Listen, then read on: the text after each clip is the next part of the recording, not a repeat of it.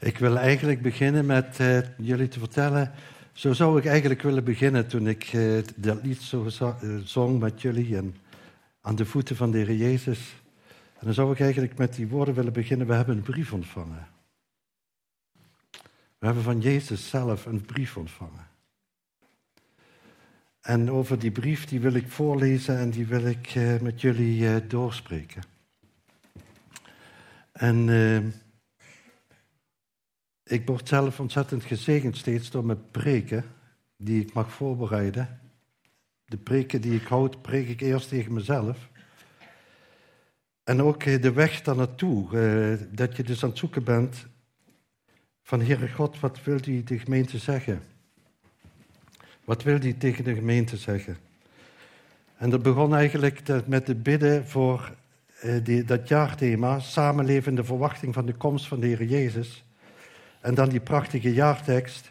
En als ik heen gegaan ben, zegt de Heer Jezus tegen zijn discipelen, en plaats voor u gereed gemaakt heb, kom ik terug en zal u tot mij nemen, opdat ook u zult zijn waar ik ben.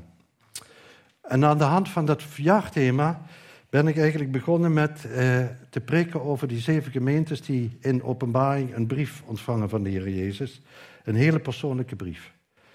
En die inleiding eh, daar naartoe, hoe ik daar naartoe kwam om met die brief eh, te beginnen, dat was eigenlijk dat eh, ik bepaald werd natuurlijk bij alles wat er gebeurt in de wereld. Eh, zeker wat 7 oktober gebeurd is in Israël. Dat we echt eh, diep met wie je ook eigenlijk spreekt, dat iedereen echt ervan overtuigd is dat de Heer Jezus snel zal terugkomen dat we allemaal tekenen zien van de eindtijd.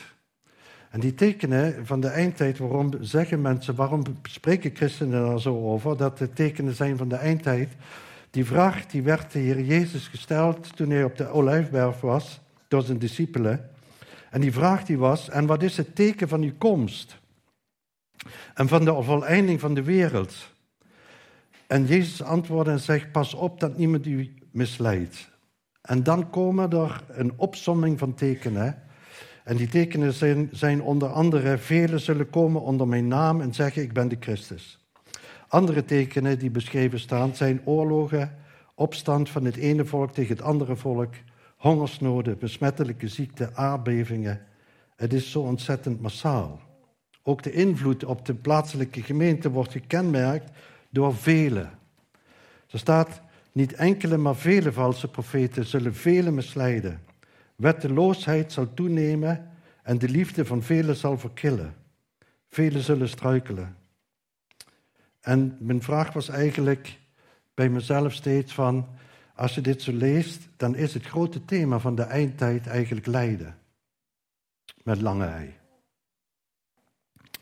En eh, ik wil ook aan de hand van die zeven gemeentes met jullie namelijk nadenken. Want ik zie in die zeven gemeentes, zie je eigenlijk, uh, natuurlijk is het zo dat het eerst, in eerste instantie, is het geschreven naar de gemeente in Efeze. Of zoals we vanmorgen zo eigenlijk lezen, ook de gemeente van Smyrna.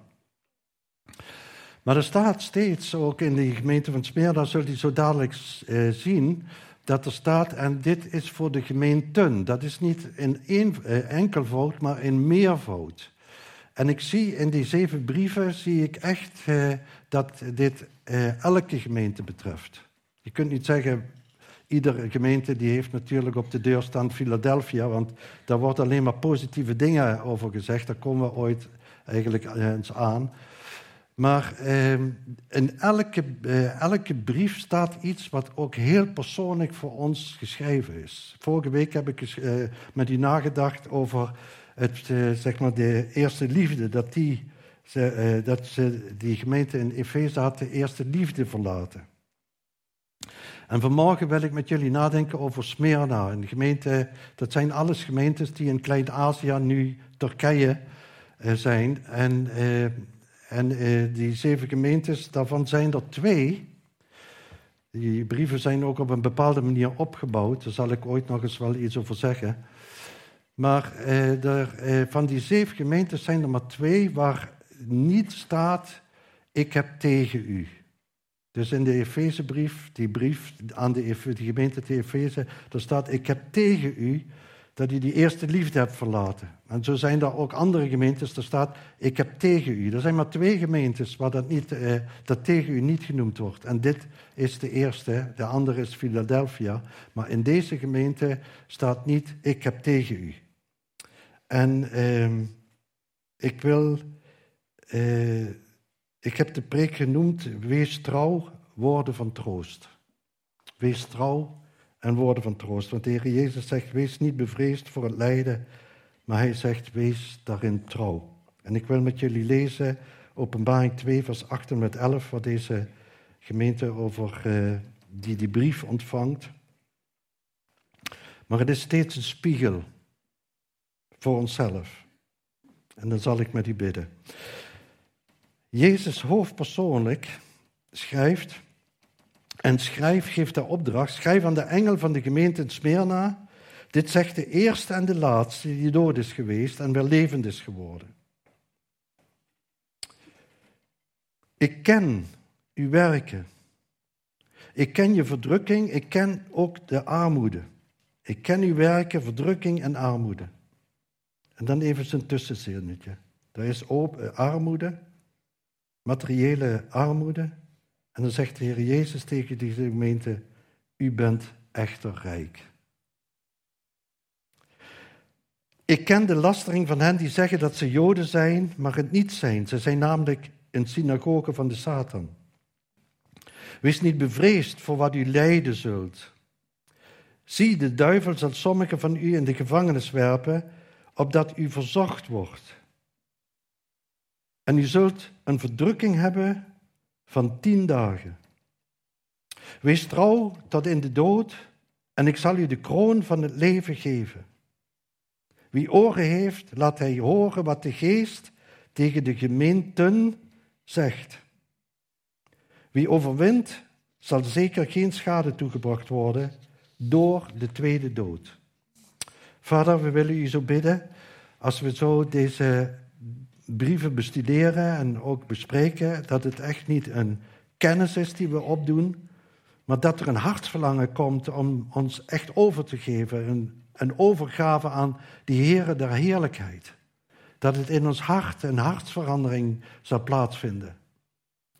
Dat we niet met een hoofd met kennis en dat kunnen uitleggen wat hierin staat geschreven, zover als we daar inzicht in hebben, maar dat het echt iets is zoals een persoonlijke brief aan ons, vooral aan diegenen die lijden aan verdrukking. Mensen die ziek zijn, die het zwaar hebben. En gemeentes die het heel zwaar hebben en in heel zwaar weer zijn. Vervolgde kerk. Heere God, ook wij in onze omstandigheden, waarin mensen onverschillig zijn voor het evangelie. Heere God, we willen u bidden dat u ons bemoedigt door deze woorden heen.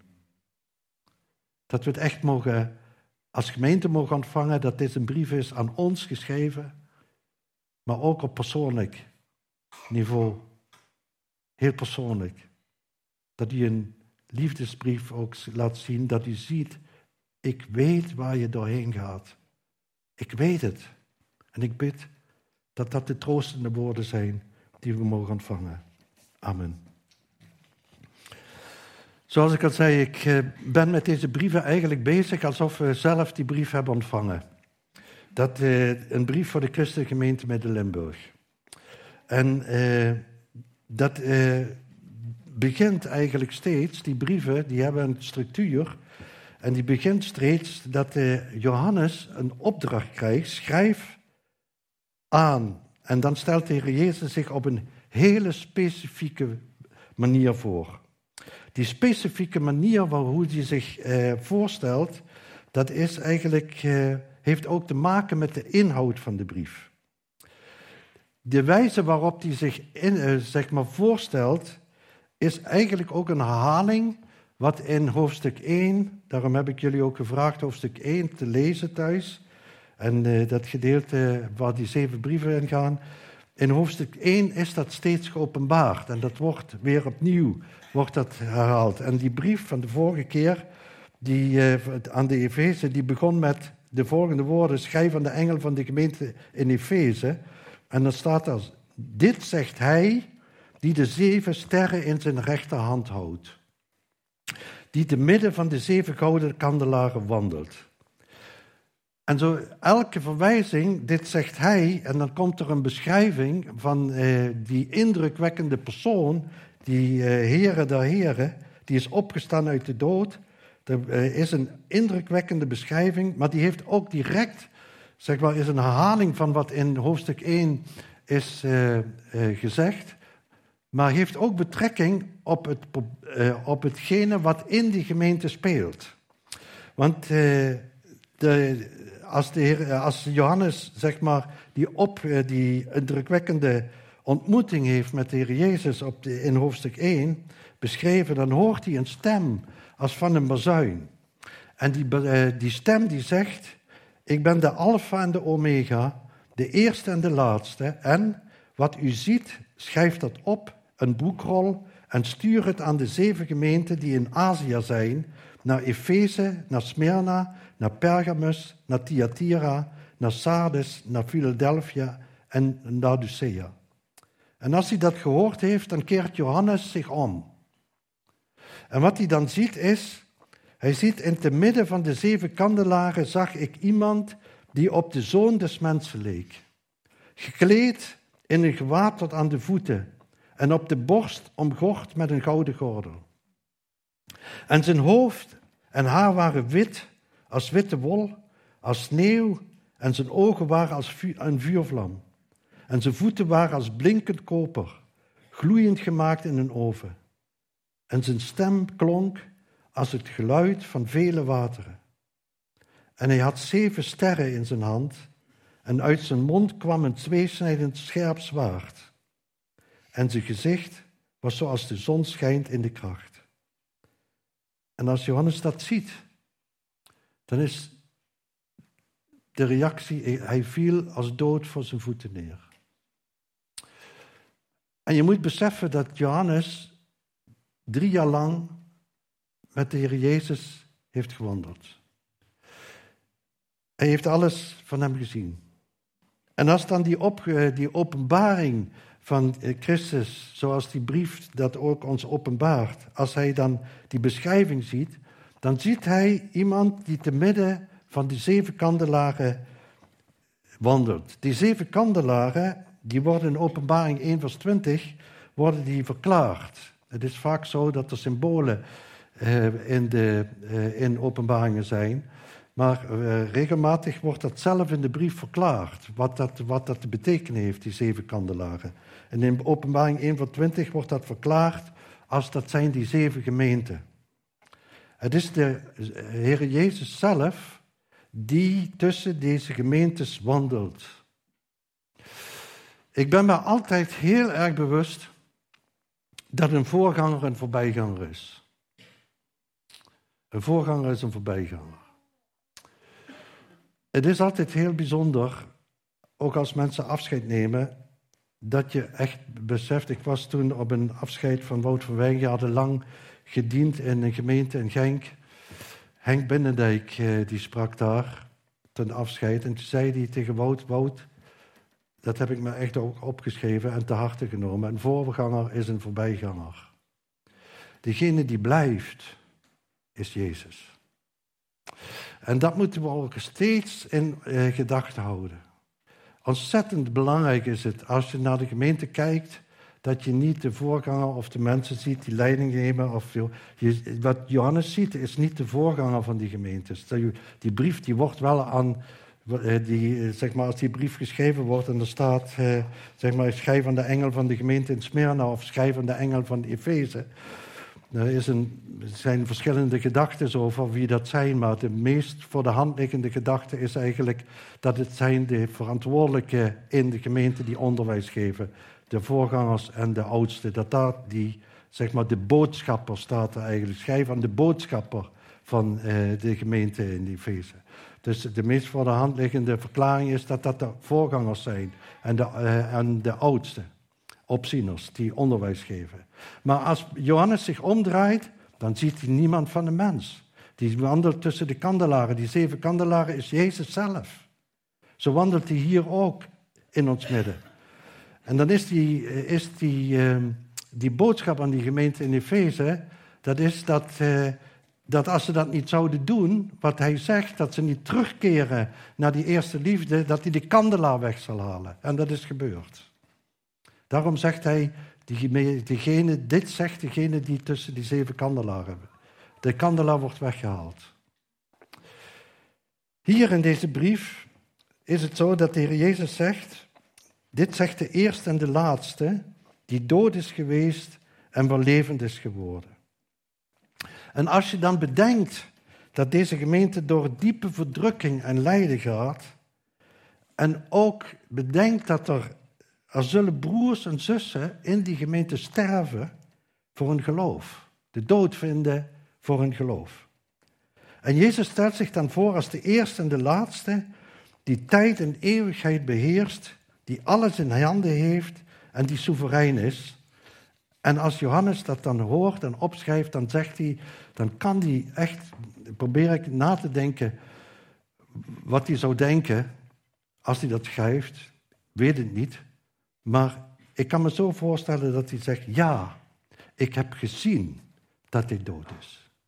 Ik heb gezien, ik stond naast zijn moeder. Toen Jezus aan het kruis hing, ik stond naast zijn moeder. En ik heb gehoord, dat is verbracht. En ik heb gezien, hij boog het hoofd en gaf de geest. Ja, ik heb gezien dat hij dood was. En dood is geweest. En nu is hij levend. Wat een troost in die grote verdrukking. Maar de vraag is eigenlijk, is het een troost? Ik had vorige week had ik een ontmoeting met een gast die onze eredienst bezocht. Dat was de eerste keer. En ik kreeg de hele moeilijke vraag: als God niet bestaat en almachtig en goed is, waarom is er dan zoveel lijden in deze wereld? Een hele oprechte vraag.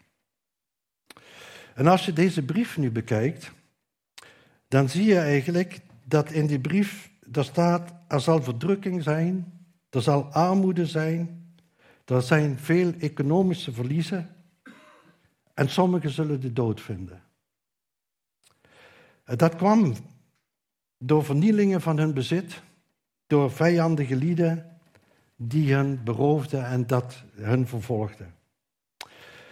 En in Hebreeën 10, vers 34 staat een hele bijzondere beschrijving hoe die mensen daarmee omgingen. Dat wil niet zeggen dat het hier, maar dat is hetzelfde principe, laat die, uh, die tekst maar zien. Dat uh, de Hebreeën schrijver die zegt dat deze broeders en zusters, die werden ook beroofd van hun, eigen, van hun eigendommen. En dan staat er, de beroving van uw eigendommen met blijdschap hebt aanvaard. In de wetenschap dat u voor uzelf een beter en blijvend bezit in de hemelen hebt. Dat is hetzelfde principe wat hier telt. Deze mensen, eh, deze broeders en zusters, die hadden een beroving meegemaakt van hun, van hun eigendommen. Ze waren in armoede. En er was toch blijdschap in die gemeente. Er wordt niks tegen die gemeente gezegd. Op een of andere manier hadden ze, zien ze, en dat heeft alles met beeld over God te maken, zien ze dat er een ander bezit is. Een bezit, geen aardsbezit. En hoe kan het dan dat mensen dit met blijdschap aanvaarden? Hoe kan het nou dat de gemeente die hier beschreven staat, dat die in, die boodschap kunnen volhouden? dat ze daarmee tevreden zijn. Ik zal het eens anders verwoorden. Niet te worden, als ze nu stelt dat je, je, je, je verwacht eigenlijk te worden, wees niet bevreesd voor wat je zult lijden. Want ik zal je beschermen. Ik zal niet toelaten dat er iets gebeurt. Het kwade zal je niet treffen, want ik ben de eerste en de laatste. Waarom is God? Ik heb me de vraag gesteld, hoe is het mogelijk, waarom is God te vertrouwen in ons lijden?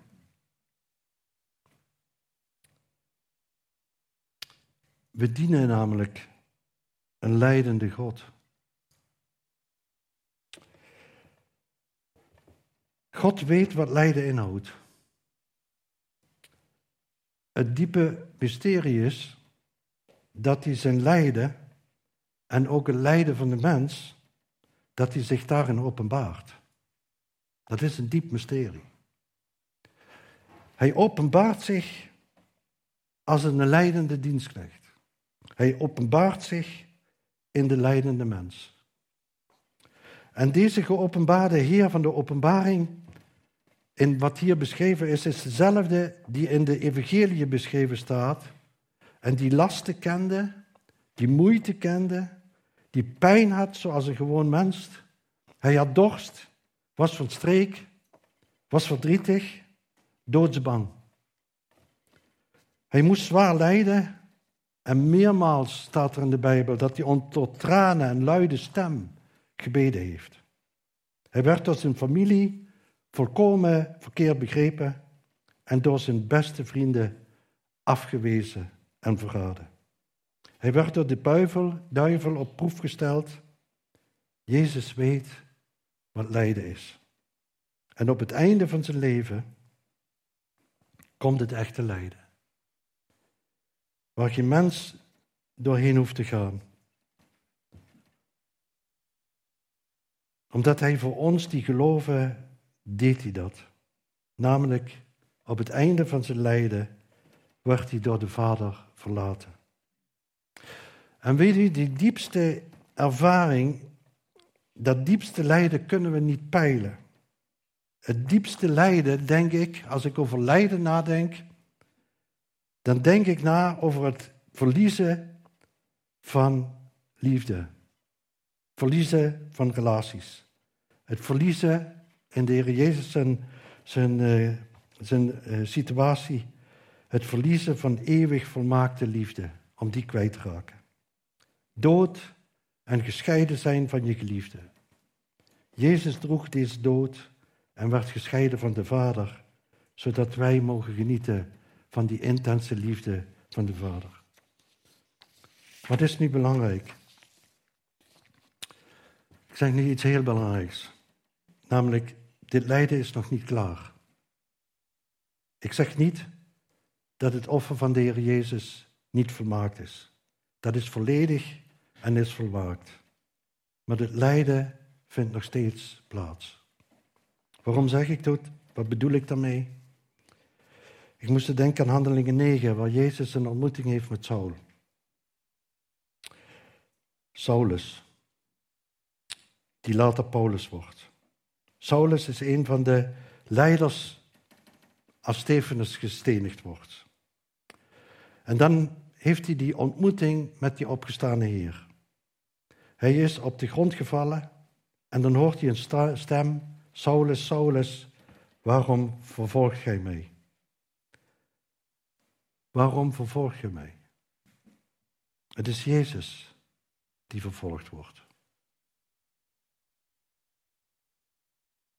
Hij leidt steeds mee. Je ziet in openbaring dat Jezus te midden van de troon stond als een lam als geslacht. Te midden van die troon. Lam van God wordt dertig keer gebruikt in de openbaringbrief. Een lam wat geslacht is, heeft een halssnede. Heeft de tekenen, hij heeft de tekenen in handen en voeten. Dus waar je nu af je vraagt van waar is God nou in mijn lijden, dan is Hij in het lijden. Wat hier geschreven staat, dat is het lijden niet alleen van die gemeente, maar dat is ook het lijden van diegene die zegt dat hij de eerste en de laatste is. En het bijzondere is eigenlijk, ik heb dat eens opgezocht, van God geeft zichzelf in het lijden. En dan staat daar, hij wordt als een man voor de treurende weduwe. Jezaja 54, vers 5. Hij wordt als een troost, trooster voor de onvruchtbare, onvruchtbare vrouw. Hij wordt als een vader voor de wees. Hij wordt als een bruidegom voor de alleenstaande. Hij wordt als een heelmeester voor de zieke. Hij is de wonderbare raadsman voor diegenen die verwacht en te neergeslagen zijn. En natuurlijk hebben we onze waaroms. Ik heb ook zo mijn waaroms. Maar wat ik geleerd heb is dat ik die waarom en die waaroms die ik heb, die leg ik bij de waarom die het halal is ingeschreven. Waarom, waarom hebt gij mij verlaten? Daar leg ik het neer. En als je dit zicht, eh, als je dit zicht hebt, als dit mysterie van leidende God, die met je meeleidt en in het lijden komt, als je dat bezit, dan ben je rijk. Dan word je rijk. Als je ziet, dat heeft alles te maken met hoe zien die, ehm, eh, die broeders en zusters in Smyrna, hoe zien wij die opgestane Heer? Hoe kijken wij tegen het lijden en, het, uh, en vervolging? Hoe kijken wij? We hebben dan, ook hier in Nederland is er armoede. Van een andere gemeente wordt gezegd in Openbaringen 3, vers 17. Want u zegt, ik ben rijk en steeds rijker geworden en heb aan niets gebrek. Maar u weet niet dat juist u ellendig, beklagenswaardig, arm, blind en naakt bent. Rijkdom in materiële zin wordt hier beschreven. Daar zullen we de komende weken ook over nadenken. Maar het is arm. Het is arm. En hier zie je in Smyrna zijn broeders en zusters in materiële zin arm en ze, rij, ze zijn rijk. Hoe dan rijk? Waardoor dan rijk? 2 Korinther 6 vers 10 zegt Paulus als bedroefde, maar toch steeds blij. En dan zegt hij als armen, maar toch vele rijkmakend. Als mensen die niets hebben en toch alles bezitten. Hoe kan dat nou? Dat je niks hebt en toch alles bezit. Ik moest denken aan 2 Korinther 8 vers 9. Door wie dat komt en waarom. Want u kent de genade van onze Heer Jezus dat hij omwille van u arm is geworden, terwijl hij rijk was, opdat u door zijn armoede rijk zou worden. Ik vind dat een van de. Ik heb daar ooit eens een preek over gehouden. Ik denk dat steeds weer opnieuw ook zelf aan, aan deze tekst. Want ik heb me toen afgevraagd, waarom bestond dan die rijkdom van Jezus? Wat heeft hij dan afgelegd? om ons in die armoede te hulp te komen en dat we rijk zijn. En weet je, die rijkdom van Jezus was die goddelijke heerlijkheid. Hij was rijk aan aanbidding, rijk aan de liefde van, van de Vader. Hij was een troetelkind, een lievelingskind, een bron van blijdschap, zegt Spreuken 8, vers 30, van zijn vader, wat, wat speelde voor het aangezicht. En dit alles gaf hij op, werd bedekt. Waarom? Om ons in die geestelijke armoede tegemoet te komen en rijk te maken. Dat is pure rijkdom. Pure rijkdom. Relaties die je hebt, relatie met God. En weet je, de relaties die ik heb, dat zijn relaties waar ik mijn leven zou geven. Zou ik mijn leven voor geven. Daar zou ik niet over hoeven na te denken. Natuurlijk wel dat ik in mijn leven uh, geef. Het zal niet makkelijk zijn, maar ik ben ervan overtuigd dat ik voor relaties in mijn leven mijn leven zou geven. Relatie is de rijkdom. Relaties is de rijkdom. Deze armoede van Jezus bracht ons vergeving, namelijk van zonde, verzoening met God, heiliging. Hij bracht een relatie met God, met Jezus in gemeenschap te zijn met de Heilige Geest. En als je dat niks zegt, en als je dat niet kent, is dat de armoede, de pure armoede, in de hoogste vorm die dat kan zijn. Maar als je dat kent, die diepe rijkdom van die relatie met God en daardoor ook de relaties om je heen, dan is dat diep rijk. Dat maakt je rijk.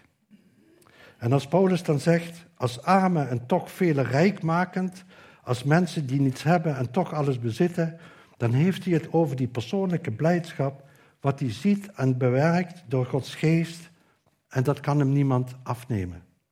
Vele rijk maken is die geestelijke rijkdom dat je mag verkondigen dat Jezus de Heer en Redder is. En dat je die eh, diepe relatie zelf hebt en andere mensen leidt, mag leiden tot die relatie. Wees niet bevreesd voor wat u zult lijden. Wees trouw tot in de dood. Ik zal u de kroon van het leven geven. En soms moet het voor je genoeg zijn. En kun je ook met niks anders, heb je niets anders, dat je weet dat Jezus het weet. Je weet, Hij weet ervan, Hij ziet het en overziet het. Er staat ook in deze brief dat die verdrukking en die vervolging en dat lijden zou tien dagen duren. Niet meer en niet minder. God geeft die periode aan. Hij heeft het onder controle. En daar wil ik echt iets bij zeggen. Dat maakt het lijden en het verdriet er niet minder om. Dat is pure rouw, ook in deze gemeente. Puur verdriet. De Bijbel is daar heel duidelijk over. Verdriet en rouw is heel diep. We moeten er niet een religieus sausje overheen gooien. En dat het allemaal medewerkt ten goede, wat absoluut waar is. Maar de pijn en de moeite is er. En de, en de Bijbel benoemt dat ook. En ziet die moeite. Ik moest er zo aan denken en, eh, dat Maria, als zij de Heer Jezus opdraagt in de tempel, dan wordt er voorzegd wat er met haar zal gebeuren. Er wordt gezegd, er zal een zwaard door je ziel gaan. Heenwijzend naar het kruis, heenwijzend wat met gebeuren zal met haar zoon. En sommigen onder ons weten wat dat is. Weten dat. Ze weten wat het is een kind te verliezen als een zwaard door je ziel. Ontroostbaar, pure rouw, wat je het hele leven meedraagt. En dan is het zo ontzettend dankbaar dat je weet dat Jezus ervan weet. Dat hij zegt, wees niet bevreesd. Wees niet bevreesd. Blijf trouw. En dat heeft alles te maken met het beeld wat je hebt van God. Dat heeft alles mee te maken hoe Jezus zich voorstelt in deze brief, deze openbaring. Dat hij de heilige, soevereine, almachtige, alwetende, alomtegenwoordige, genadevolle, vergevende God is van liefde. En als je vasthoudt, dan is dat prachtig, die beloning. Die beloning wordt, zeg maar, in deze brief ook beschreven. De kroon zal ik geven, zegt de Heer Jezus. Dat is niet een koningskroon, maar een krans. Dat is een krans die ook in 1 Petrus 5, vers 4 beschreven staat. En er staat: En als de opperherder verschijnt, zult u de onverwelkbare krans van de heerlijkheid verkrijgen. Weet je, dat die krans, die kroon, dat is een kroon dat je deelt in het volle heil, in die verlossing, deelt in die heerlijkheid van Christus. Zoals dat hier, iets groters zul je nooit kunnen aanschouwen. Iets groters zal er nooit zijn. Wie overwint, zegt de Heer Jezus, zal zeker geen schade worden toegebracht door de tweede dood. Wat is dat? Die tweede dood. Die tweede dood is het eindoordeel. Dat is de straf, het laatste oordeel. Die tweede dood wordt onder andere beschreven in Openbaringen 20, vers 14. En de dood en het krijg van de dood werden in de poel van het vuur geworpen. Dit is de tweede dood. En als iemand niet bleek ingeschreven te zijn in het boek des levens, wordt hij in de poel van het vuur geworpen. Openbaring 21, vers 18 zegt, maar wat betreft de lafhartige, ongelovige, verfoeilijke moordenaars, ontuchtplegers, tovenaars, afgodendienaars en alle leugenaars, hun deel is in de poel die van vuur en zwavel brandt. Dit is de tweede dood. Toen dacht ik, zo kun je de preek niet beëindigen. Want wat mij hierin treft is dat het een enorme bemoediging is voor degenen die in Christus geloven. Dat treft hen niet. Die verheerlijkte Heer, er staat, ik weet niet of u zich dat realiseert, er staat dat deze verheerlijkte Heer de dood is ingegaan, dat hij de dood is overwonnen. En, en vaak denken wij aan die eerste dood. Dat die ons echt bedreigt. Dat je hier afscheid neemt van deze wereld. Dat je 80, 90 of 120 jaar bent geworden. Maar dat is niet de bedreiging. Dat is niet de bedreiging. De bedreiging is die tweede dood. Dat is de bedreiging van ons leven. Dat is de bedreiging van elk mens. Dat is de bedreiging voor diegenen die in Christus niet geloven. Dat is wat Jezus, waar Jezus doorheen is gegaan en wat hij overwonnen heeft. En hij is weer levend geworden. Die tweede dood, dat eeuwige vuur, die, dat die altijd eeuwig afgescheiden van de Heer Jezus. Die tweede dood, die eeuwige dood, dat is wat ons bedreigt. Diep, omdat het voor eeuwig is. En dan staat er in Jesaja 25, ik vind het zo indrukwekkend dat openbaring schrijft steeds, valt altijd terug op het Oude Testament. Dan zegt hij, hij zal de dood voor altijd verslinden. Dat is die tweede dood. Zal hij verslinden. Voor diegenen die in hem geloven. De Heere, Heere zal de tranen van alle gezichten afwissen en de smaad van zijn wolk wegnemen. En heel de aarde, want de Heere heeft gesproken. Deze laatste vijand van de dood heeft de Heer Jezus teniet gedaan en heeft hij overwonnen. Weet u, ik vind het een groot voorrecht dat ik mag preken. Omdat dat het meest bijzondere is wat je mensen mag laten horen. Die enorme troost, die enorme bemoediging, die van het evangelie van Jezus Christus uitgaat, is diep ontroerend. Als je kijkt wat hier nu eigenlijk staat, dan is het een uitnodiging van overgave.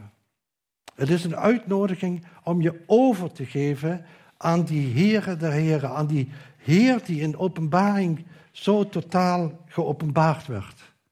Die indrukwekkende persoonlijkheid, die indrukwekkende Heer, de Lam van God.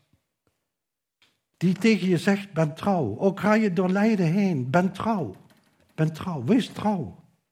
Het zijn woorden van bemoediging, woorden van diepe troost. En deze Heer wil ik graag aanbidden. Daar wil ik voor knielen. Daar wil ik voor leven. God vraagt niet van ons om voor Hem te sterven. Ik weet niet of je dat in de gaten hebt. Er is één die is gestorven voor ons. Van ons wordt niet gevraagd te sterven voor God. Voor ons wordt gevraagd te leven voor Hem. In dat nieuwe leven wat hij gegeven heeft in zijn Zoon Jezus Christus. Door de moeite heen en door het lijden heen. Door de verdrukking heen. Om te leven voor Hem.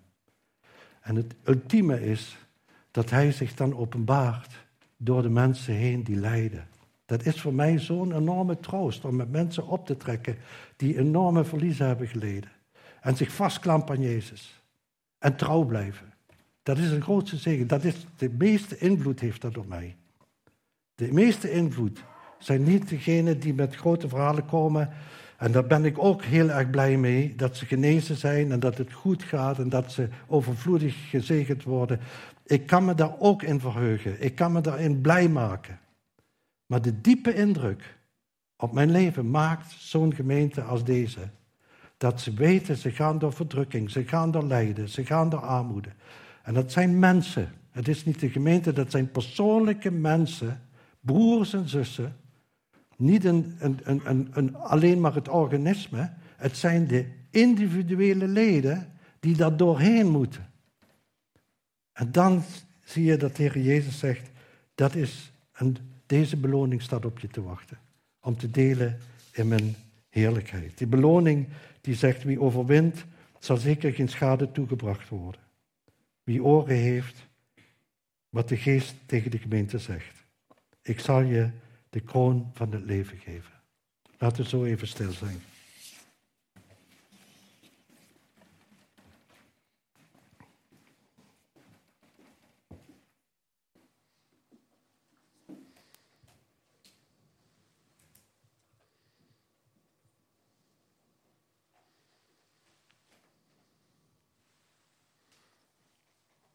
Misschien gaan we samen, laten we samen gaan staan voor zijn aangezicht.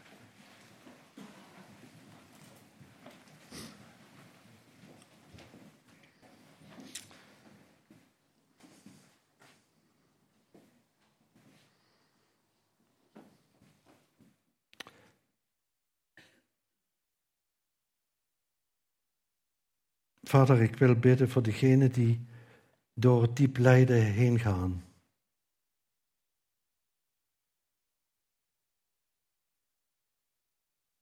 Dat ze troost vinden in de woorden die u hier zo spreekt. Dat ze troost vinden dat u ervan weet. Dat ze gezegend worden. Dat ze gekend zijn. En dat u kent waar ze doorheen gaan. U weet het niet alleen met uw verstand, maar u weet het door ervaring, doordat u door een veel dieper lijden gegaan bent.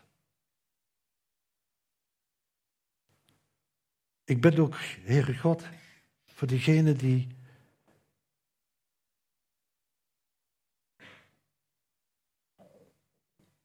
zich nog niet volledig hebben overgegeven aan u.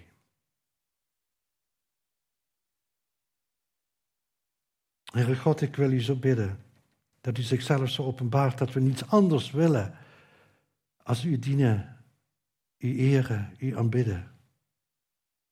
Omdat zoals het in de openbaring voor ons ogen geschilderd wordt, bent u de Heer, de Heer, de Koning der Koningen.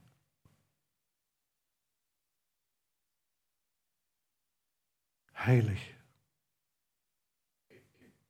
soeverein, alwetend, alomtegenwoordig.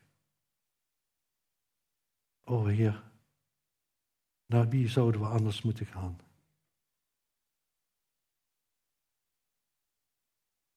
Wil die een diep werk in deze gemeente volbrengen, ons te heiligen en zo ook voor je aangezicht te komen dat u niets tegen ons hebt.